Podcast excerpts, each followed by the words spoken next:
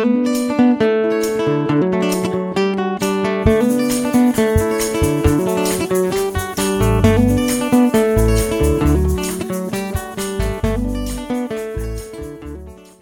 försäkringar behöver jag egentligen? Har jag alldeles för många försäkringar eller är jag underförsäkrad? Många konsumenter hör av sig till oss med just den här typen av frågor och idag så ska vi försöka besvara dem här i Försäkringspodden. Jag heter Jenny Sparring och arbetar som jurist på Konsumenternas försäkringsbyrå. Och, och eh, till oss så kan du vända dig med alla möjliga sorters frågor om försäkringar. Jag kommer programleda den här serien och med mig i studion har jag alltid några kunniga kollegor. Idag har jag med mig Gustav Jonsson, jurist på byrån. Välkommen Gustav! Tack, kul att vara här. Ja, jo men Gustav, du har ju arbetat länge i branschen. Eh, och vad säger du om de här frågorna? Vilka försäkringar behöver jag egentligen? Ja, ja, vi brukar dela upp försäkringarna i fyra olika kategorier. Eh, det är sådana som det är krav enligt lag på att ha. Nödvändiga försäkringar, bra att ha och de du kan fundera på att prioritera bort. Och det som avgör lite grann vilken kategori det hamnar i, det är hur stor ersättning försäkringen kan ge. Alltså om det finns något mått av katastrofskydd i dem. Mm. För det är ju framförallt eh, att du har försäkringar framförallt för att täcka smällar du inte kan ta själv. Det är därför du försäkrar. Okej, ja men det här är jättebra. Det här tycker jag om när det blir så här tydligt. Alltså krav enligt lag, försäkringar som du är nödvändiga att ha, försäkringar som är bra att ha och sådana du kan fundera på att prioritera bort. Det där gillar jag, när man kan dela upp det så här i kategorier. Okej, men om du börjar då med de man måste ha enligt lag, vilka är det då? Ja, den enda du måste ha enligt lag, det är, det är trafikförsäkring. Mm. Sen vill du nog ofta ha mer, att eh, du kanske vill ha en halvförsäkring så det kommer till ersättning för stöld eller brandskada. Mm. Eller helförsäkring då du också får till exempel ersättning om du krockar bilen. Ja, och det som händer om man inte har en eh, trafikförsäkring, det är ju jättetråkigt, för då kan det bli väldigt dyrt. Ja, det vill, det vill man undvika, mm. eh, att få dyr avgift eh, via trafikförsäkringsförening. Så mm. det, det, det, är som, det är dyrare än att missa en mm. vanlig räkning. Så det, det vill man verkligen undvika. Okej, okay. ja, så trafikförsäkring är ett krav och sen så är det bra att på det ha en halv eller hel försäkring så man skyddar sin bil. Ja, och mycket kan bero på hur, eh, hur mycket bilen är värd. Okej, okay, ja precis. Vissa kanske inte ens är värda att ha en vagnskadeförsäkring på, alltså en halv för, eller en hel försäkring för att de ändå inte har så mycket ekonomiskt värde.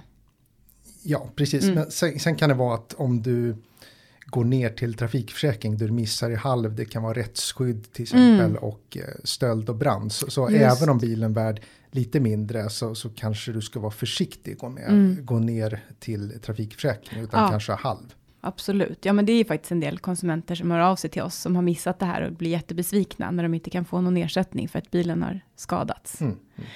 Ja, okej, okay. men sen då? Vad var det? Nu var det nödvändiga försäkringar. Vilka är det?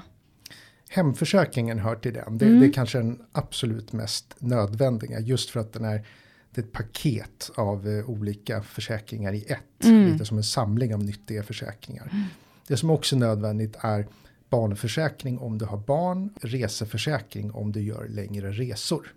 Ja, eh, men jag måste bara gå tillbaka där till paketlösning som du nämnde i hemförsäkring. Vad innebär det då? Vad är det som ingår i en hemförsäkring? Vad gör det till en paketlösning? Ja, det, som, det ingår mer än du tror. Mm. För att om du bara kollar på namnet hemförsäkring så kan man ju tro att ja, det är begränsat till hem. Men i den så finns ett reseskydd, rättsskydd, ansvarsskydd till exempel. Och mm. ganska ofta finns det all risk i en hemförsäkring. Så det ja det, det, är mer än bara hemmet i, i en hemförsäkring. Okej, okay.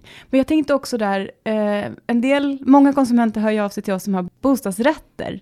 Är det något särskilt man ska tänka på där med hemförsäkring? Ja, eh, i och med att en hemförsäkring, en, en, vanlig enkel hemförsäkring är för hyresrätt. Så mm. är det så att du bor i bostadsrätt eller bor i villa mm. så ska det definitivt vara anpassat för det. Eh, och det är särskilt när det gäller bostadsrätt som, som mm. det nog är, tyvärr inte är ovanligt att man missar att lägga till ett sånt mm. bostadsrättstillägg till sin hemförsäkring. Just det, det är det superviktigt. Ja, precis, för det handlar ju alltså om eh, eh själva byggnaden, alltså mm. eh, väggar och tak och alltså det är, det är, annars är det ju bara lösöret, eller hur, som Ja, skyddas i ja. En, en vanlig hemförsäkring, det, det täcker det som du, om, om du liksom flyttar, allt du tar med dig, Mm. det är den vanliga hemförsäkringen. Sen ska du ha skydd för byggnaden Mm. och då är det ett bostadsrättstillägg eller en villa hemförsäkring som, Ja. som täcker med byggnaden. Eh, och sen nämnde du barnförsäkring, det är något viktigt.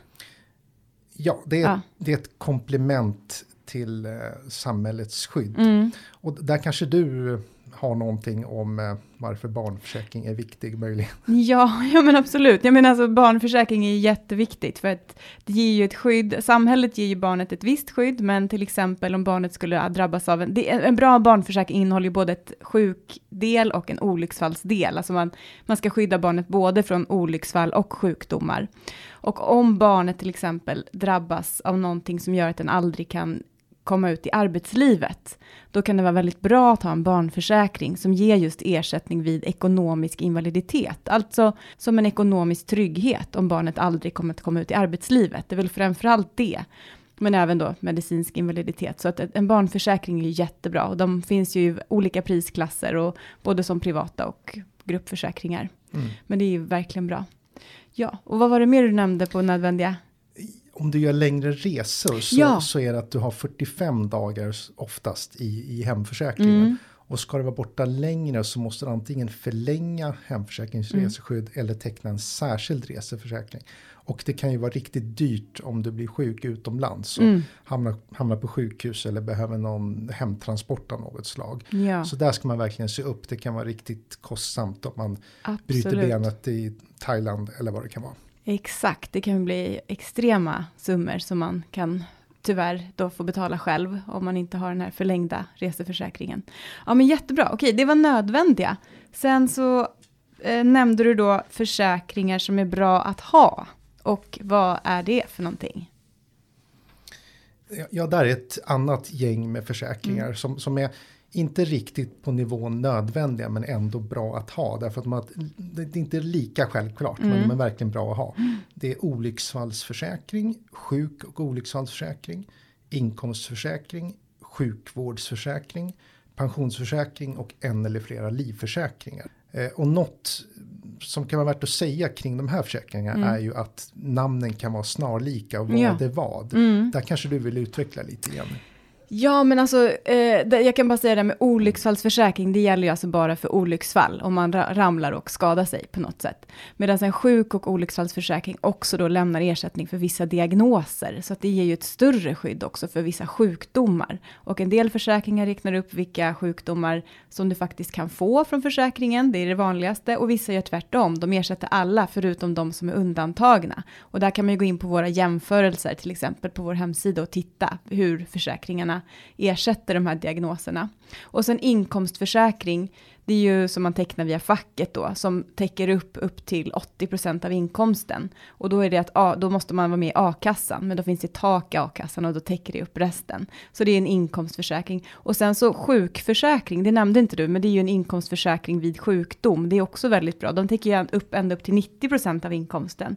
Så det kan vara en trygghet vid långa sjukskrivningar. Mm. Och sen nämnde du också sjukvårdsförsäkringar. Och det är ju också en sån försäkring man oftast kan teckna via sin arbetsgivare. Då är det ju ofta lite billigare. Men den ger ju ersättning vid specialistvård. Så att man får snabb specialistvård. Alltså det handlar inte om akut sjukvård eh, och inte heller IVA. Men däremot eh, ja, men specialistvård. Om man behöver gå till en ortoped till exempel. Man har ont i ryggen, man har ont i ja, den typen av skador kan man säga. Ja, men det var vilka försäkringar då som är bra att ha. Nu kom jag på en försäkring här, djurförsäkringar, den har vi inte pratat om. Vad skulle du egentligen lägga in den? Är den på nödvändig eller bra att ha? Eller en som man kan prioritera bort? Djurförsäkring hamnar nog oftast på nödvändig. Mm. Därför att eh, man ser djuren mer och mer som en familjemedlem. Eh, det är det ena och sen att också kostnaderna för veterinärvård eh, kan bli riktigt hög. Och de Ja. har nog också ökat under senare år. Så därför hamnar de nog oftast eh, på nödvändig. Men, Mm. men det beror nog kanske lite, vilket, på, vil- lite på vilket djur vi pratar Ja. om. Är det vandrande pinnar kanske Ja. man inte försäkrar dem, Nej, jag tro. men hundar och katter och hästar Mm. till exempel, Mm. där är ju absolut, eh, Definitivt. ja, där. Ja. Och eh, där ska man ju också tänka på att de här försäkringarna faktiskt är ganska dyra, men samtidigt nödvändiga eftersom också vården är väldigt dyr.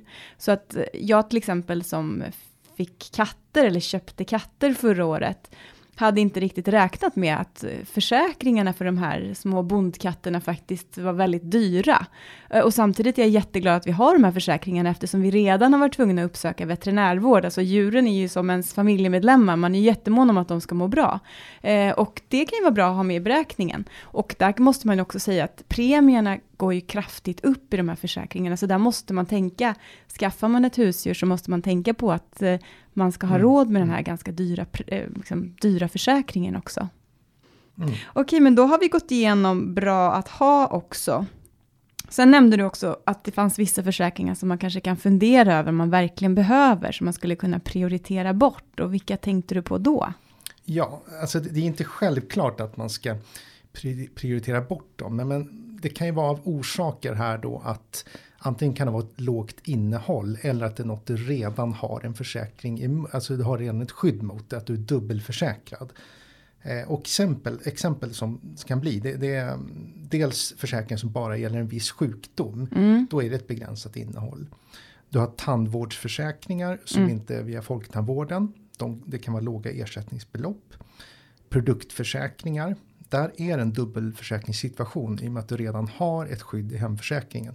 Som du kan utöka med allrisk eller kanske elektronikskydd. Mm. Så det, det är en slags dubbelförsäkringssituation. Att om du lägger till det där så täcker också fler produkter än varje produkt för sig när du tecknar en produktförsäkring. Eh, avbeställningsskydd via resebyrån eller flygbolag. Där har du ofta ett avbeställningsskydd om du betalar en resa med kort. Ja. Och ID-skydd, eh, ungefär 7 av 10 hemförsäkringar har det eh, redan. Så då behöver vi inte teckna det särskilt. Okej, och där eh, när det gäller ID-skydd då, då kan man gå in i våra jämförelser och titta, för det är inte alla hemförsäkringar då som innehåller de här ID-skydden. Så då kan man gå in på våra jämförelser och titta av hemförsäkringar på konsumenternas.se. Och där framgår det vilka hemförsäkringar som faktiskt har ett ID-skydd. Precis, Mm. det ser man ganska tydligt där på konsumenternas.se. Och det här handlar ju alltså om man skulle bli, att någon skulle eh, hålla, ta ens identitet och beställa varor eller göra saker med ens Det är en slags service, att eh, hjälp och, och tips och råd om man råkar ut för ID-kapning. Ja. Så det, det är Mm. något av en service i Mm. en sån försäkring.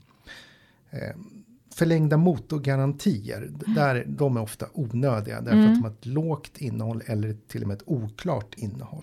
Och till sist har vi det här med självriskskydd. Det, det är typiskt sett inte något, någonting som man behöver Nej. eftersom det bara är låga belopp. Och försäkringen var ju främst då för att ta de här stora ekonomiska smällarna. Ja, men om, man skulle, om det skulle visa sig att man tecknar någon försäkring där självrisken är väldigt hög, jag tänker på hyrbil till exempel, de brukar ju ofta erbjuda sån här självrisk-eliminering. Är Mm. det, Ja, då kan det vara li- något högre belopp så att Mm. det blir mer värt att ha den. Man får Så fråga sig själv om man har råd med Mm. en skada, helt Mm. enkelt. Om man har råd att betala självrisken eller inte. Ja, Ja. Och, och där handlar det också om synen. Hur, är det? Vilken buffert har man? Alltså Mm. vad kan man ha för buffert, buffert och vad väljer man att ha för buffert? Det påverkar du, också. du, du började med att nämna produktförsäkringar. Och där tänkte jag bara att jag ville höra igen. Vad, vad, vad kan vara alternativet till att teckna de här produktförsäkringarna, en för varje produkt nu, när man handlar en massa saker och så vill man, alltså elektronikprodukter till exempel, så får man ju alltid frågan om man vill teckna en produktförsäkring till det. Och då känns ju det ganska lockande, för man är rädd att man ska tappa sin mobil i golvet eller någonting. Mm. Då, då kan du dels lägga till en allrisktillägg i din hemförsäkring. Mm. Det kan ingå redan i Ja. vissa större hemförsäkringar. Men du kan också ofta lägga till ett elektronikskydd Mm. i din hemförsäkring. Eh, Men det ska sägas att det gäller inte för telefoner. Så Ah, just för telefoner så, exempel. så eh, är det om man verkligen vill ha ett skydd för den Mm. så är det en produktförsäkring oftast. Men när man har de här allriskskydden i hemförsäkringen, bortsett då från mobiltelefoner, och de, de är ju väldigt bra för att de, de gäller för alla ens ägo- ägodelar. Ja, Eh, Så det blir billigare än att teckna Ja, flera och all produkter. risken gäller, det är det mer elektronikskyddet, Mm. det här som är, som är mest motsvarande de här produktförsäkringarna. Okej. Där, de, just de gäller inte för mobiltelefon, men all risken gäller. Okej. Så där får man kontakta sitt försäkringsbolag, sin hemförsäkringsbolag och kolla efter vad man har för skydd. Mm. Men det stora är att om du ska teckna en produktförsäkring för varje produkt blir det rätt dyrt. Då kan det vara alternativ att utöka hemförsäkringen på Mm. olika sätt istället. Ja, men jättebra. Det här tycker jag var en väldigt bra genomgång. Eh, och eh, om man eh, inte riktigt hängt med nu då, allt som du har räknat upp här, då finns det här att läsa någonstans, eller hur? På konsumenternas.se kan Mm. du läsa om, om behov. Eh, dels i stort men också uppdelat efter eh, någon typ av livssituation om du är barnfamilj eller pensionär till exempel. Just ja. Nu har vi kommit fram till veckans fråga. Vi får in massor med frågor varje vecka. Vi får in 11 000 ärenden per år. Och en fråga som vi faktiskt har fått in den här veckan, då är det en person som har frågat så här. Jag vill veta var man kan få översyn över sina försäkringar eller mina försäkringar. Finns det ett särskilt register för vilka försäkringar jag har?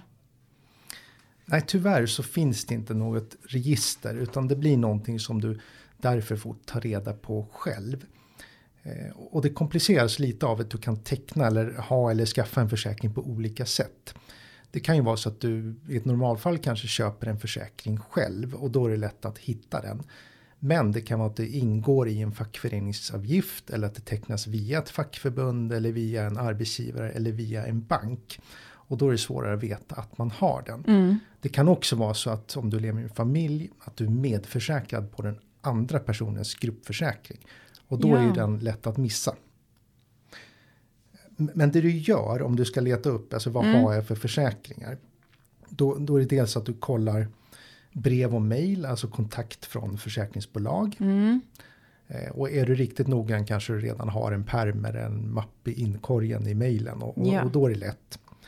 Du kan också se via mina sidor ofta att försäkringsbolag har det. Där man kan logga in och se vad har jag för försäkringar. Ja, just det. Du kan kolla med din arbetsgivare. Har du någon typ av gruppförsäkring genom dem? Kanske HR, HR-avdelningen kan svara. Eh, skolförsäkringar, då kollar vi kommunen om barnen omfattas av en skolförsäkring och hur den ser ut. Jättebra, det är faktiskt en försäkring som många missar, har jag förstått i vägledningen. Ja just det, om något händer att man Ja. både ska anmäla till sin egen barnförsäkring och till skolans barnförsäkring. Precis, ja. Det kan finnas försäkringar via en organisation, en klubb, alltså typiskt en idrottsförening, att det kan finnas försäkring via den.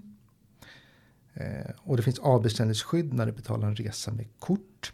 Eh, Det kan också eh, finnas försäkring som är kopplad till en försäkring. I en, eh, I en pensionsförsäkring kanske finns ett efterlevande skydd. Just. Så att de hänger ihop vissa försäkringar.